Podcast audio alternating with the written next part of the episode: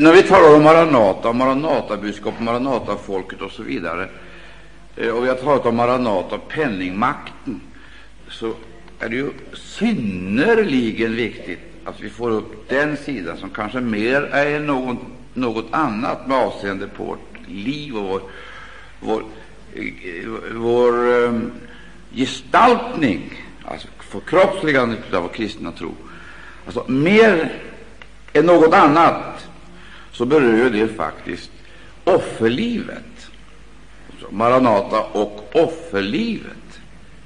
Och jag skulle nästan vilja säga så här att det är just på det område där eh, vår fromhet och sanna gudsfruktan testas. Knappast något annat område där vi kan se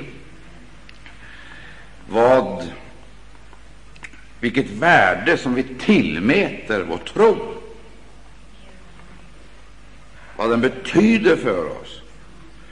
Man skulle kunna uttrycka det så här också, även om det då kanske kan bli lite missvisande, eh, nämligen vilket pris är vi redo att betala?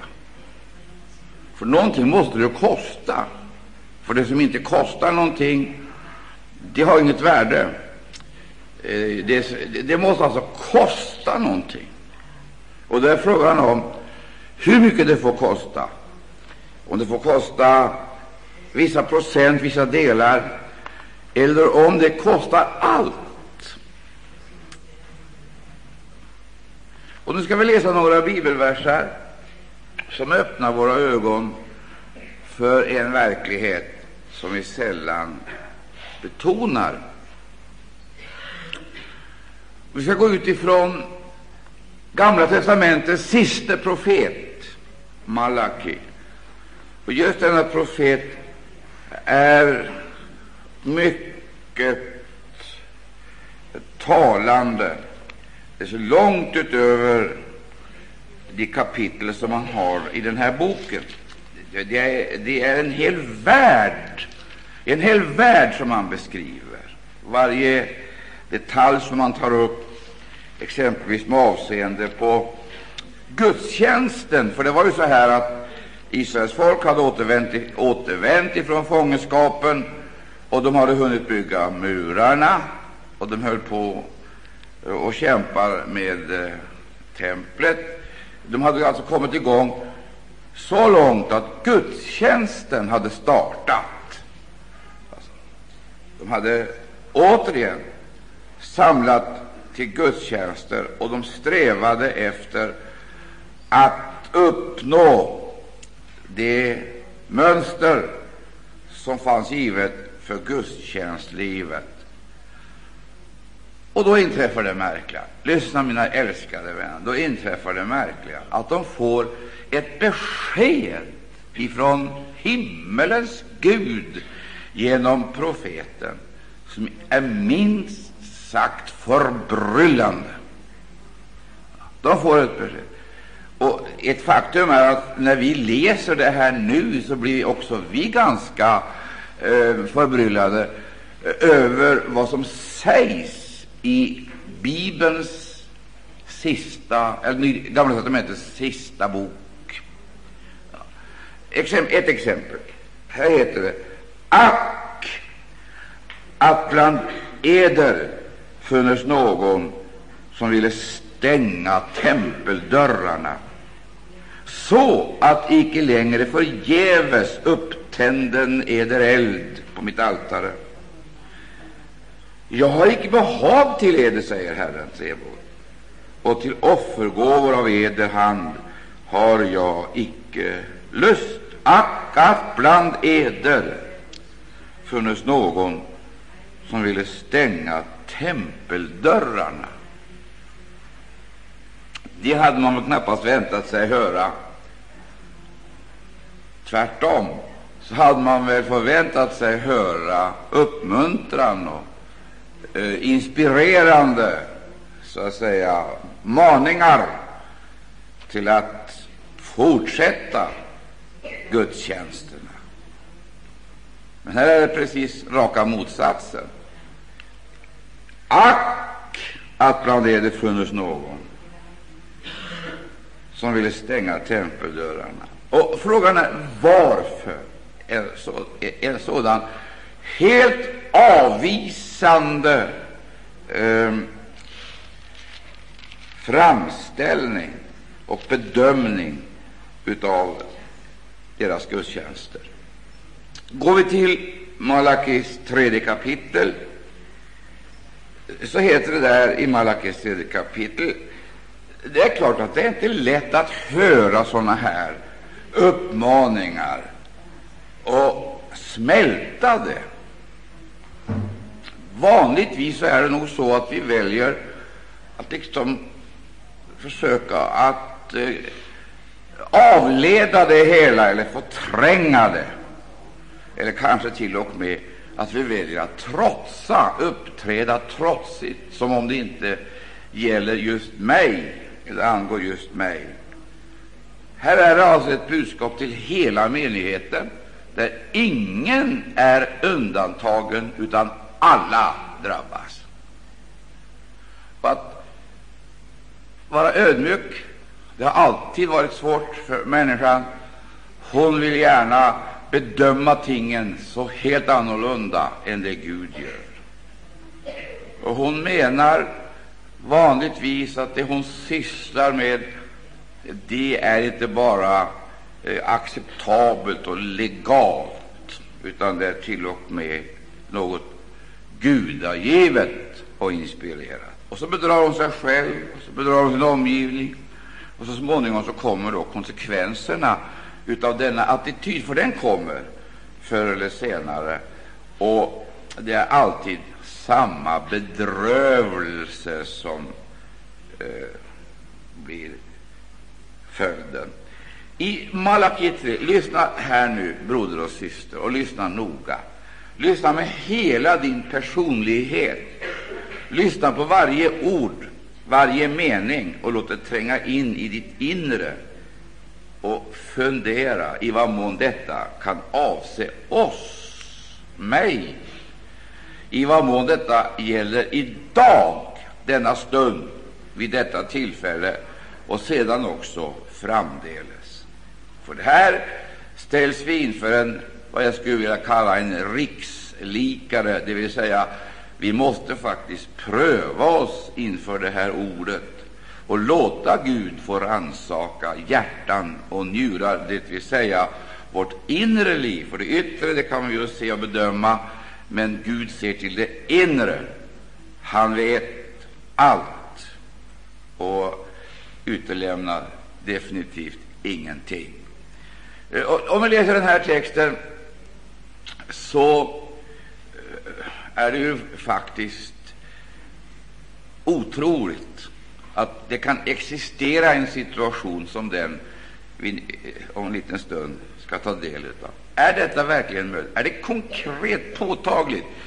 Eh, så det här inte har någonting med symboler att göra, eller någon, en tänkt situation. Är det ett faktiskt förhållande som kan uppstå i relationerna till Gud? Kan Guds eget folk, som bär hans eget namn, bli sådana som vi läser här? Och i så fall, om detta är möjligt, i vad mån drabbar det oss? Det heter nämligen, menar ni då, ifrån den åttonde versen,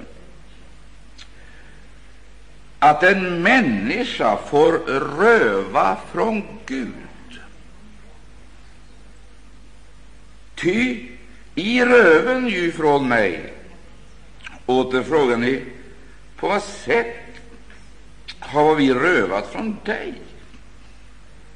Jo, i fråga om tionden och offergärden. Alltså, här sägs det rent ut att Guds folk, alltså de som bar hans namn, de var en menighet av rövare. Det var ett nytt och överraskande språk. Det hade de aldrig tidigare mött och hade väl ytterst små förutsättningar att kunna förstå. Kan du, kan du begripa att man kan missta sig så totalt. Språket förefall, föreföll chockerande. Gud talar till dem i ett profetiskt budskap och utklassar menigheten som en samling rövare. Och ändå så är jag helt övertygad om att de här människorna de hade en hög moral på fundamentala punkter. Jag är övertygad om att de aldrig skulle kunna tänka sig att ta någonting ifrån sin nästa. In, överhuvudtaget aldrig ta någonting. Det var uteslutet att de skulle kunna tillägna sig andras ägodelar på ett oärligt sätt. Att de skulle eh, ha något som helst släktskap med rövare, det var inte bara otänkbart, det var omöjligt. Och ändå så får de nu besked om att menigheten som bar Guds namn, jag säger det för tredje gången, är en samling rövare. Och hur ska man förklara en sån situation för ett folk som menar sig uppfylla alla de krav som man kan ställa på en from människa i det här avseendet, att aldrig stjäla, aldrig ta, aldrig tillägna sig någon annans egendom på ett oärligt sätt. Men här sägs det rakt ut att ni rövar. Och sen så utvecklas det här vidare, och då det utvecklas så blir man inte bara beklämd, man blir bestört. Tänk att himmelens Gud kan ha en sån helt annorlunda uppfattning av det hans folk håller på med än vad detta folk själv så att säga anser om sig och sitt verk. Stäng lokalerna, sluta upp med de här tillställningarna. Därför att genom era gudstjänster så permanentar ni ju denna olyckliga situation. Istället för att upplösa och omvända er, upplösa de här onormala förhållandena, dessa, denna kvalificerade hedendom, istället för att upplösa det och omvända er, så kommer ju gudstjänsten att bidra till att ni blir allt mer självsäkra och permanentar denna ondska. Och så var det ju inte tänkt. Men så kan det alltså bli.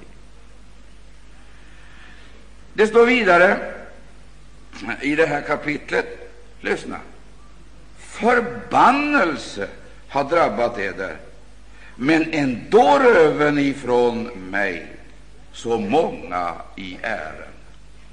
Det är ju klart att en förnuftig predikant tar inte upp ett sånt här tema för en förmiddagspredikan, för den ska ju vara uppbygglig och trösterik. Och här finns det ju ingenting av det här. Och jag vet inte ens om man kan säga att detta är ett genomträngande väckelsebudskap. Jag har närmast en känsla av att det är en förkastelse. Gud förkastar sitt folk för det de håller på med och det de är. Han förkastar deras gudstjänster, han förkastar deras böner. Han förkastar för övrigt det de sysslar med.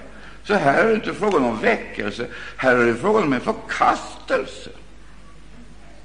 Alltså, det kommer sist och slutligen till en punkt då det inte längre går att profetera, inte längre går att predika, inte längre går att formana.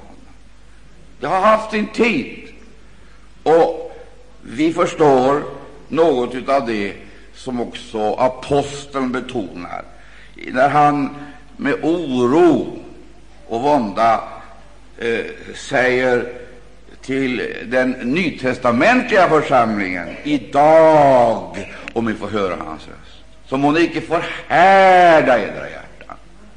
Alltså, det är helt uppenbart att böjelsen är tydlig. Det är faktiskt så att vi har en benägenhet att förhärda oss. Vi blir hårda, och vi blir faktiskt otillgängliga genom vår hårdhet. Därigenom blir vi okänsliga för den heliga Ande. Vi blir väldigt okänsliga och kanske också kvalificerade på det sättet att vi börjar härska. Vi börjar härska och befalla istället för att ödmjukt ta emot, pröva, omvända, överlåta och förnyas. Ja, överlåta åt Gud. Den processen är icke vanlig i den heliga historien. Vi ser den hos enskilda framträdande gestalter, nyckelpersoner, och vi ser det hos släkter, och vi ser det faktiskt hos hela nationen. Ja, vi ser det ibland hos hela Israels folk. Och här har du summa summarum, min käre broder och syster. Han kom till sitt eget, men hans egna tog icke emot honom. Och då måste vi medge att det har gått långt. Så långt att man inte bara reserverar sig och verkar lite skeptisk, man är avvisande till den Gud har sänt. O ja, värre är det, man är avvisande till Guds egen son. Och det är självklart, om detta hade sagts om ett annat folk, då kanske det inte hade varit så uppseendeväckande. Eh, men det sades till och om hans eget folk. Det heter, han kom till sitt eget. Får jag ställa en fråga här som är eh, lite parentetisk, men i alla fall angelägen. Hur ställer vi oss till Herren Jesus Kristus? Och i, mån, i vad mån är vi hans egna? I vad mån är vi hans egna? Men detta att vi betraktar oss eller bekänner oss vara Guds folk, det är ingen garanti egentligen. För frågan är ju hur våra attityder är till den Gud har sänt, till hans ord, hur vi tar emot det, eller kanske visar det ifrån oss med lite fromma metoder. Vi tränger undan, eller vi vill inte låta det gå in över oss, oroa oss, skaka om i vår tillvaro. Eller vi kan kanske inte tänka oss någon djupgående förändring eh, i eh, våra sociala, religiösa eller andra förhållanden. Vi har våra spärrar som vi kan använda, och vi gör det ibland mycket religiöst. Vi har våra undanflykter som vi är utomordentligt skickliga på att formulera, argument som kan låta väldigt trovärdiga för mänskligt förnuft, men som sett i ett andligt perspektiv och inför ordets omutliga krav på lydnad verkar inte bara eh, obstinata och trotsiga, men verkar direkt avskyvärda och hedniska. Läser vi nu här i detta kapitel, så är det ju klart att det här är ju inget budskap som församlingen sätter sig ner och beställer. Det är ingenting som man beställer. Det här kommer ju utan att man eh, så att säga har beställt det. Så kommer Gud, och då talar han sanning med oss. Och det är där problemet ligger. Vi vill gärna ha allt annat än just sanningen, och den är svår. Den är omutlig. Och det är klart att sanningen den leder fram till det vi kan kalla för prövning. Gud prövar, och vi måste pröva. Och sedan ställs vi inför en verklighet som vi inte kan tillbakavisa. Men vi har ögon, vi har öron, vi har möjligheter att testa verkligheten. Vi kan testa verkligheten. För om vi nu eh, inte är så klara och har en, en, en sån eh, tydlig och klar bild av vår egen situation, den kan vara sammansatt på olika vis, så finns det dock vissa ting som ger oss besked. Det är inte bara vad profeterna säger, eh, som kan vara omskakande och omvälvande, men det finns vissa ting som ger oss besked. Vad då? Förbannelse har drabbat er, sägs det här. Och det är väl en väsentlig, det är väl en väsentlig skillnad på förbannelse och välsignelse. För meningen var ju det att detta folk skulle vara ett välsignat folk. Var det inte det? Deras typiska kännetecken det skulle ju vara sann glädje i Gud, uppriktighet, kärlek och så vidare. Allt det som är positivt, värdefullt och ger livet inte bara en viss, eh, ett visst innehåll, men ger livet mening. Då skulle det vara uppfällda av något gudomligt och himmelskt. Detta skulle, då, detta skulle alltså markeras, slå igenom genom det, alltså sina egna vardagliga erfarenheter och andra erfarenheter, så kan man komma fram till en slutsats. Vi vänder lite på det. Och så säger vi, men ni har ju lämnat Babylon. Ni har ju återvänt till Jerusalem och till landet. Ni har ju blivit fria och har alltså haft möjlighet att återvända, att börja bygga. Ni har ju haft möjligheter att återupprätta både prästväldet eh, och gudstjänstlivet. Dessa möjligheter har ju beretts er.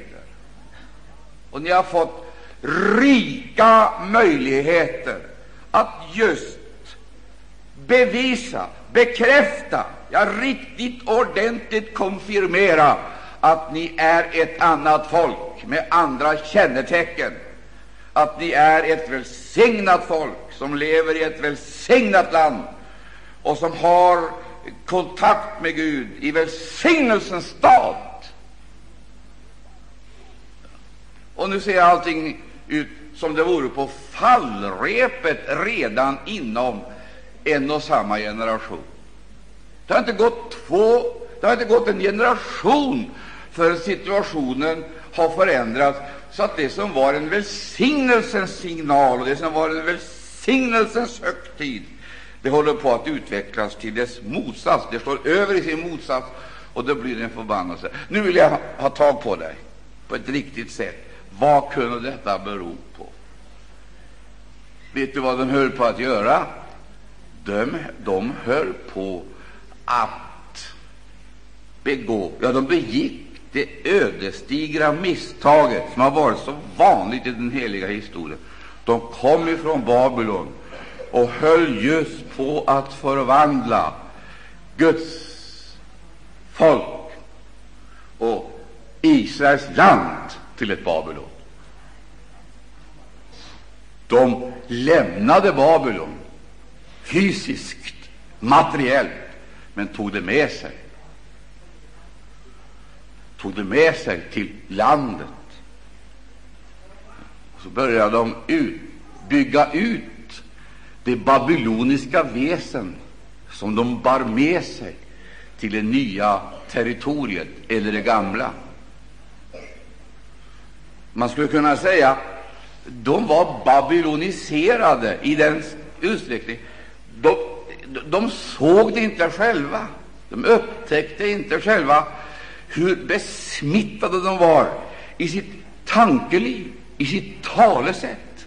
Och de upptäckte heller inte hur deras attityder det var stämplat av ett babyloniskt beteende i förhållande till tingen. Först och främst just i förhållande till tingen. De hade skaffat sig vanor, sedvänjor, sedvanor som utgjorde en prägling på var och en. Där ligger problemet. Där ligger problemet. Och detta slog igenom på många punkter, ja, på alla punkter, och satte sin prägel på deras gudstjänstliv. Man kommer in i denna gemenskap av eh, återvändande israeler, så märker man att de faktiskt i sitt gudstjänstliv hade integrerat ett och annat element just ifrån babyloniskt.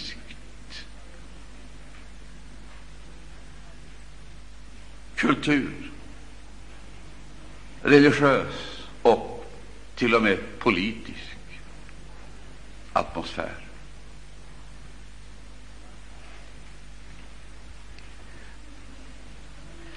Jag ska peka på eh, någon sak som blir naturlig i det här sammanhanget.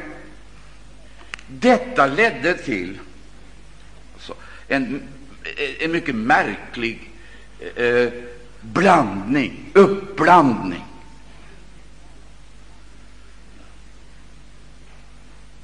Och så förde det så småningom till att man börjar inte bara ta efter, alltså efterapa vissa saker, utan man legaliserade och normaliserade ett babyloniskt liv.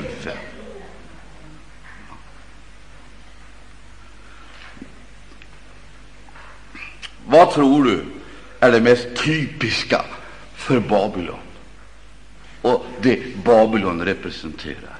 Vad tror du? Vad är det mest typiska, tror du? Ja, vi får veta det här, men resultatet hade blivit som vi läser.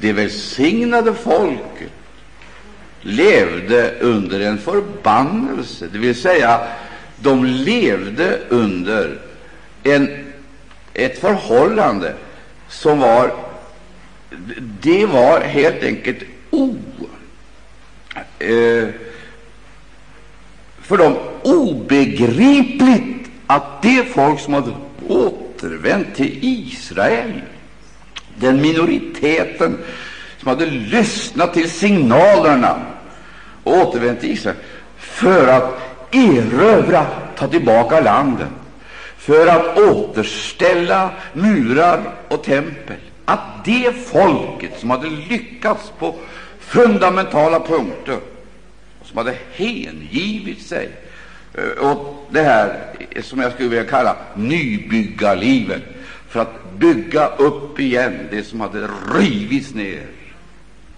att det folket som hade brutit upp, som hade tågat ut, som hade försakat och som hade tagit den här uppbrottsordern på allvar, att de skulle komma i en sån situation så att entusiasmen och glädjen, hänförelsen och allt det som hade med uppdraget och kallelsens, kallelsen att göra skulle leda till en sån här situation. Det var ju inte bara anmärkningsvärt, det var ju förfärligt. Därför att välsignelsen som de väntade hade blivit förbannelse. Ljuset som de drömde om det hade blivit mörker. Och friheten som de bekände sig till då de återtog harporna ned ifrån pilträden och drog iväg till hemlandet för att leva, verka och tjäna Israels Gud i frihet. Friheten hade blivit en kvalificerad träldom. En kvalificerad träldom utan att de var ockuperade av någon stormakt. Det var inte längre kringliggande stormakter som utgjorde deras hot. Det var en annan ockupationsmakt som hade invaderat folket, tagit i besittning och så radikalt förvandlat deras situation.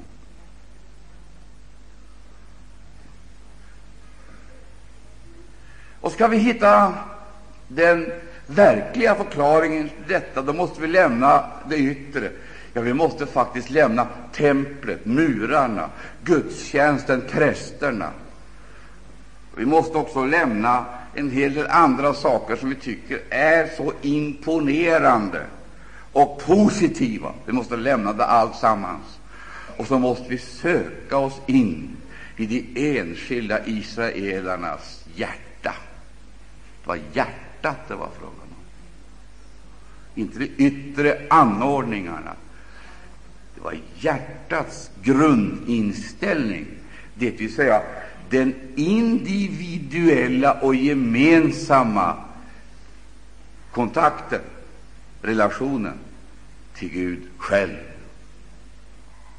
Gud vill ha ett folk avskilt för hans räkning, inte med avseende i första hand på yttre anordningar, utan med avseende på det inre livet. Och där är problemen betydande också i vår tid. Det är det som vi märker allt tydligare. Nu heter det förbannelse har drabbat eder, men ändå röven ifrån mig så många i ären. Och nu vill jag ställa en fråga lite annorlunda, kanske lite mer personlig och närgången. Om vi nu tar oss tid, sätter oss ner i några minuter och tänker efter, hur är egentligen mitt liv idag i jämförelse med vad det var då uppbrottsorden kom, då signalen nådde mig. Och jag tog ner harpan, bildligt talat, började röra mig mot ett nytt centrum. Alltså, inte bara överbevisad och entusiastisk, men bärande utav andliga gåvor och en andlig vision. Det var liksom ingenting som såg för svårt ut eller för omöjligt. Och det fanns överhuvudtaget inte möjligt att diskutera om offrens storlek eller eh, om de mödor som skulle vara förenligt med den här, det här återtåget. Det var, det var någonting alldeles enormt. Alldeles enormt. Ja, visst var det enormt, för det var ju himmelskt. Det var ju himmelskt. Det var en himmelsk kallelse, det var ett himmelskt ljus, och det var en gnista. Ja, den slocknade aldrig. Och det visade sig på flera sätt, på flera konkreta sätt. Det var ingenting som var för svårt, ingenting som var för mödosamt. Det, det, det, det, det man hade i sikte, det var hemlandet, eller de himmelska tingen. Och det man strävade efter, sent och tidigt, natt och dag, det var att uppnå just det som är där ovan. Jag behöver inte utveckla det här vidare. Jag nöjer mig med att säga det präglades av oskuld, av enfald, av tilltro. Jag säger igen, det präglades av oskuld. Det fanns inget manipulerande eller beräknande. Det, det, det fanns bara en inre glöd. Man hade nåtts av fullmakten, kallelsen, och man var tvungen att bryta upp. Jag vill säga det, Därför att det här, det här är ju så oerhört viktigt. Det fanns ingenting beräknande, ingenting. Man sökte inte efter favörer eller fördelar, och man frågade heller inte vad kostar det här egentligen? Vad innebär det här? På det viset så ska man kunna man tala om ett slags heligt vansinne. Ett heligt vansinne. Och det fanns egentligen inte inneboende resurser eh, till att uppnå den verklighet som man sökte. Och ändå så hade man krafter som man kunde göra det fullständigt omöjliga. Eh, eh, den mänskliga begränsningen sprängdes, och det gjorde den oupphörligt. Den sprängdes, och man överträffade sig själv. Man överträffade sig själv med avseende på bönelivet, man överträffade sig själv med avseende på bibelstudiet, man överträffade sig själv med avseende på vittnesbördet, själavinnat mission. Det är helt faktiskt obeskrivligt, och den enda förklaringen det är att man var buren, uppfylld, tänd, ja, helt intagen. Men nu är frågan den hur är det i dessa avseenden idag? Vi kan tala om ett välsignat folk på väg uppåt, hemåt. Ett välsignat folk som under stor kamp och många våndor, vilket vi kan läsa om i Esras bok och Nehemjas bok, arbetade, tog sig an uppgifterna, slogs av det ena slaget efter det andra och drabbades av helt oförutsedda eh, prövningar. Men de kämpade. De kämpade. Det var aldrig fråga om vad kostar det här? Vad ska det bli av det här? Varför? Det var så, där Guds välsignelse är, där är allt möjligt. Hör du det? Där är allt möjligt. Men där Guds välsignelse saknas, där spelar det ingen roll vilka resurser man förfogar över. Det hjälper ingenting. Ingenting. Det blir ingenting annat än en slags ett ekorrhjul, en vandring i missnöjdhet misströstan och trots och allt sammans det som hör det typiska ökenlivet till. Bitterhet och jag vet inte allt som avlöser. Det, det är ökenlivets tillvaro. Och nu vill jag säga den egyptiska det uppbrottet från Egypten, det är sannerligen en sak. Det förde ut i Egypten. Men uppbrottet från Babylon, det ska du få ha klart för dig, det är en helt annan sak med helt andra konsekvenser.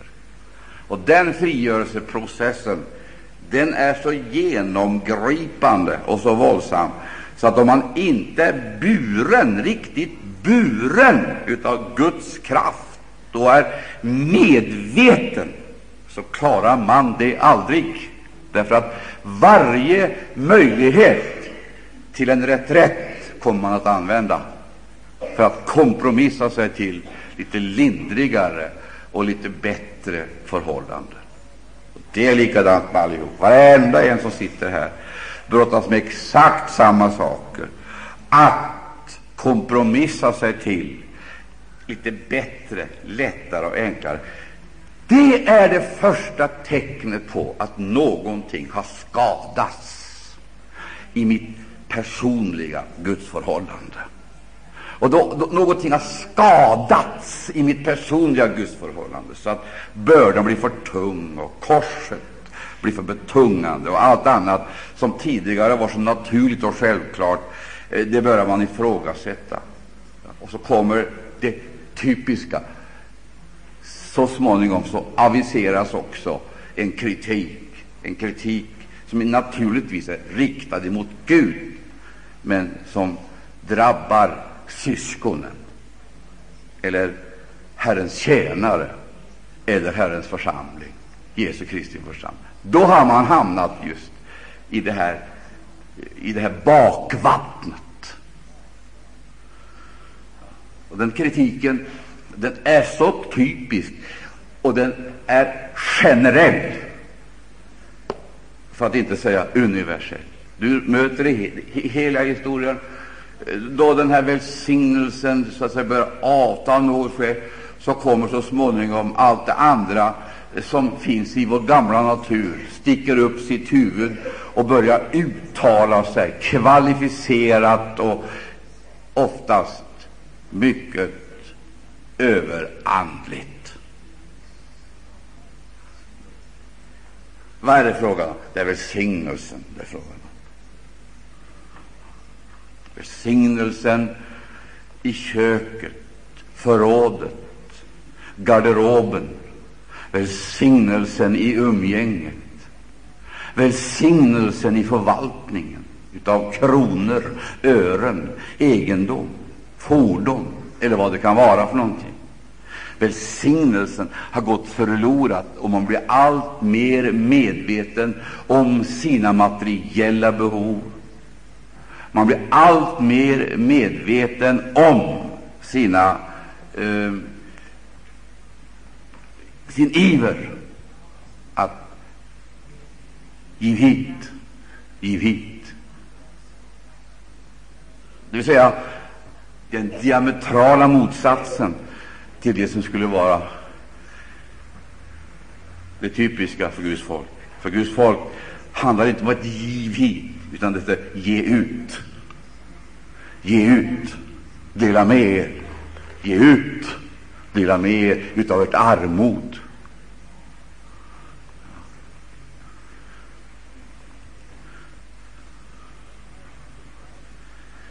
Den här processen den är förödande, och egentligen skulle jag inte säga någonting mer idag. För vi får bestämma oss nu. Hur är det? Är vi välsignade av Herren, eller har vi genom vår otrohet i våra personliga, individuella gudsrelationer hamnat i en situation då pungen är söndrig, då ingenting räcker till? Det är frågan. Fungerar vi? Lever vi? Lever vi i kammaren med Herren Jesus Kristus? Har vi bönämnen som vi kan bära fram till honom och räkna med att bli hörda i höjden? Hur är det med avseende på vårt bibelstudium, vårt själavinnande?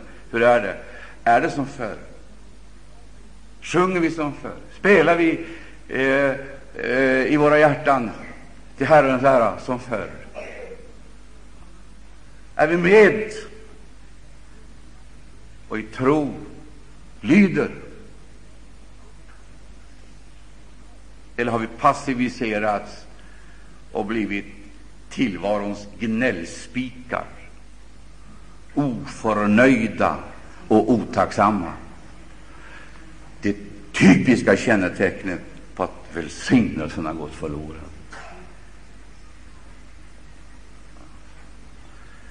Den har då talat med Herren. Jag känner att jag ska strax sluta. Jag, jag har självklart inte kommit in på det enorma budskap som ligger i förlängningen av det jag sagt. Jag återkommer till det vid ett annat tillfälle. Det är någonting helt enormt. Det är någonting helt enormt. Det är någonting helt enormt med Guds folk. Vi är annorlunda, har andra kvaliteter. Det är något helt enormt ett folk som lever under en öppen himmel, närkontakt med himmelens Gud, som inte bara bekänner sig till honom och är redo att acceptera vissa anordningar för att visa sin fromhet eller sin gudsfruktan, men som lever med honom, för honom, genom honom och fungerar i vardagen, i de små detaljerna, i umgänget med syskonen och andra. Då det gäller förvaltningen av våra resurser, våra medel, men också av vår tid och vår kropp, som ska sättas in, inte därför att det är ett tvång. Oh nej! Hör här, lyssna och lyssna igen. Det förbannelse har drabbat er.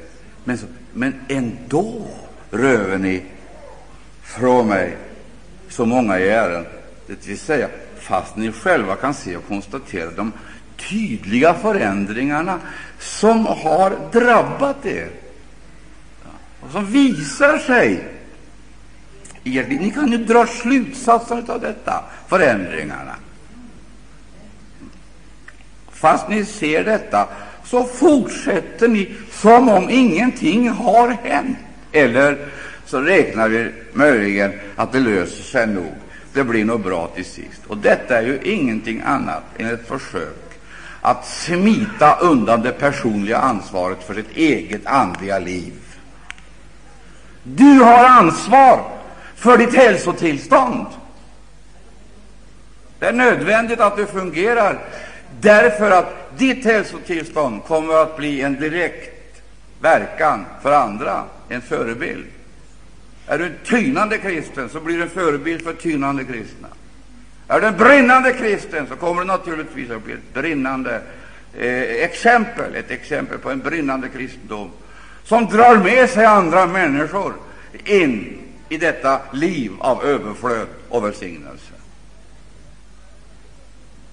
Jag säger det igen, du kan inte skylla på andra eller omständigheterna. Du bedrar dig själv om du skyller på omständigheterna, för omständigheterna har Gud tagit tur med för länge sedan. Långt innan han bjöd dig gå sin väg, långt innan han kallade dig och manade dig, långt innan du överhuvudtaget kom på tanken att du skulle göra sällskap med honom utanför lägret för att bära hans smälek, så hade Gud vidtagit alla de åtgärder som var nödvändiga för att du skulle gå vägen och bli bevarad till hans tillkommelse. Det är ingenting som behöver eh, arrangeras eller läggas till, utan allt är färdigt så att du kan gå i av Gud förutberedda gärningar. Men det ger dig naturligtvis inte frihet att kompromissa dig fram eller att göra om kallelsen så att den ska passa in i den miljö du lever. Omständigheterna har Gud tagit itu med. Halleluja! Han har sagt att han är trofast. Är han det, så säger jag amen. Och han kommer aldrig att svika den som följer honom. Han kan nämligen inte förneka sig själv. Det kan vi göra, men inte han. Han är och får bli trofast. Sedan så är det ju helt uppenbart att med avseende på vår framtid så verkar det precis som att vi ständigt åter och åter måste så att säga, fixa, arrangera och ordna. Och vi gör det på ett sådant sätt att vi i våra handlingar, i vårt tänkesätt, i vårt talesätt och i vårt handlingssätt bevisar vårt oberoende av Gud. Vi fattar beslut som vi har kommit överens om, men vi har aldrig ställt frågan till Herren, vad är din vilja? Vad menar du med mitt liv? Vad menar du i det här läget? Vad vill du jag ska göra? Det vill säga, det offret som en gång gavs, det har man plockat tillbaka bit efter bit. Tagit tillbaka det. Så när man nu ser på offeraltaret så är det stycken kvar utav det som en gång var ett heloffer. Och då frågar man sig, vad har de andra delarna tagit vägen? Ja, nu känner du väl till den här bilden som är så tydlig och klar för oss, då eh, Abraham hade gjort i ordning offret. Som han hade, offret hade han delat i två delar, och så mellan varje del så låg det, var det en gata. En på den vänstra sidan och en på den högra sidan. Där fanns det tudelade offret. Och så gick då Abraham så att säga mellan offren. Och vad som egentligen ägde rum där, det var ju förbundet upprättades, och det var ju Abraham och Gud som gick tillsammans mellan offren. Och du vet ju att elden föll. Men innan elden föll så kom ju korparna och ville ta bitar av offret som var lagt. Och de kom när mörkret kom över offerplatsen. Då kom de flaxande för att ta bitar av offret. Men då reste sig Abraham upp och drev dem tillbaka. Du vill att Gud ska gå med dig, göra sällskap med dig, och du vill att han ska så att säga ge sitt godkännande eller uttrycka sitt välbehag över offergärningen. Men vad har hänt? Finns verkligen hela offret kvar? Eller är det bitar borttagna av fåglar, ideologier, tankar, idéer? Orena tankar, orena ideologier som du har läst dig till eller hört, som ligger utanför det Gud har sagt. Det kan ju vara auktoriteter som du har Auktoriteter kan vara bra att ha, men det kan definitivt inte ersätta mitt personliga ansvar för det gudsliv som jag kallade att leva i gemenskap med honom. Korparna kom och ville plocka åt sig ett och annat köttstycke, och därmed så hade ju offret då blivit stympat, bortfört, reducerat. Och det hade ju sett ut om Abraham tillsammans med Gud hade gått den här gatan fram och tillbaka med ett stympat offer. Där ligger problemet, grundproblemet för varenda en. Släppa in över sig tankar, idéer, kompromisser och säga det här går inte, det här kan vi inte. Detta är fruktansvärt att höra. Frågan är inte vad du kan eller inte kan. Frågan är vad Gud har sagt. Har Gud kallat? Har Gud talat? Är det så att det är en egen idé du kämpar för, eller något annat som har anförtrotts dig eller, eller traderats till dig genom auktoriteterna, då kan man lämna det. Då har det inte så stort värde. Och ändå så vet vi, du känner från barndomen de heliga skrifterna, det vill säga återvänd till ordet. Gå tillbaka till ordet. Sök Gud i ordet. Du, han drev tillbaka de som angrep, attackerade, ville stympa och beröva, så att säga, offret som var lagt som var givet. Jag frågar dig, hur mycket finns det av det offer som lades? Hur mycket finns det kvar? Vågar du inbjuda Gud att göra sällskap med dig emellan offrens delar, då han ska se? Vågar du säga, Herre, här är det, här är det. Och kan du räkna med att han ska ge sin välsignelse åt din offertjänst. Jag har inte sagt allt idag, definitivt inte, för det finns en underbar sida här som jag ska återkomma till. Den är enormt. Orania konto, Gud vill förhärliga sig. Gud vill välsigna, men inte på våra villkor. Gud vill uppenbara att han är trofast också i denna tid men han vill förvandla oss så vi upphör att röva ifrån honom. Så vi upphör att stympa hans budskap för att göra det bekvämare för oss. Han vill komma, vad då med sin eld, och visa att den Gud som svarar med eld är fortfarande Gud. Tror du det, så säger jag amen. Det var det han fick vara med om. Han drev tillbaka rovfåglarna som ville röva, röva åt sig offerdelarna. Och då kom Gud och gjorde honom sällskap. Elden föll. Rassinkolomor Venedios. Och så upprättades det förbund som egentligen har utgjort Israels, hela nationen, hela folket, eh, förbund som är giltigt denna dag. För Gud ska upprätta detta folk just utifrån det förbund som upprättades vid det här tillfället. vad jag vill ha sagt. Fortsätt inte som om ingenting har hänt, om du känner att välsignelsen har gått förlorad. Fortsätt inte om du hamnar i torka, om du är obstinat och knorrisk. Fortsätt inte, utan gå till korset.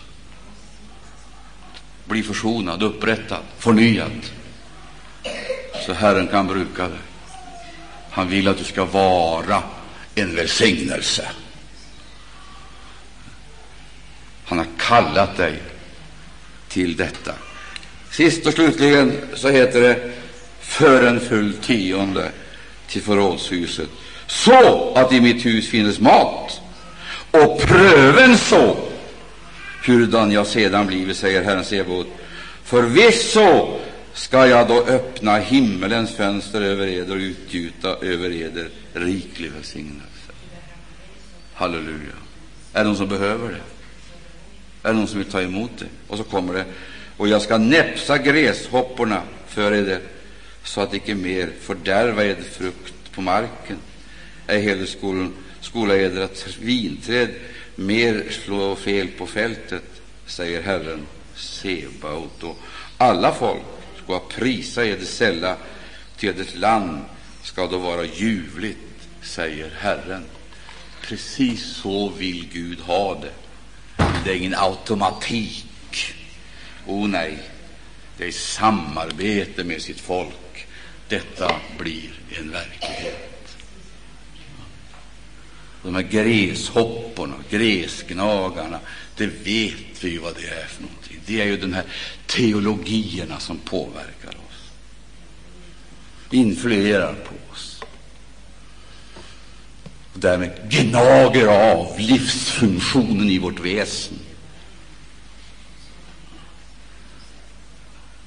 I gemenskap och tömmer förrådshusen så vi inte får näring för vår tro, näring för vår tjänst, näring för vår gemenskap. Och näring för vår ståndaktighet.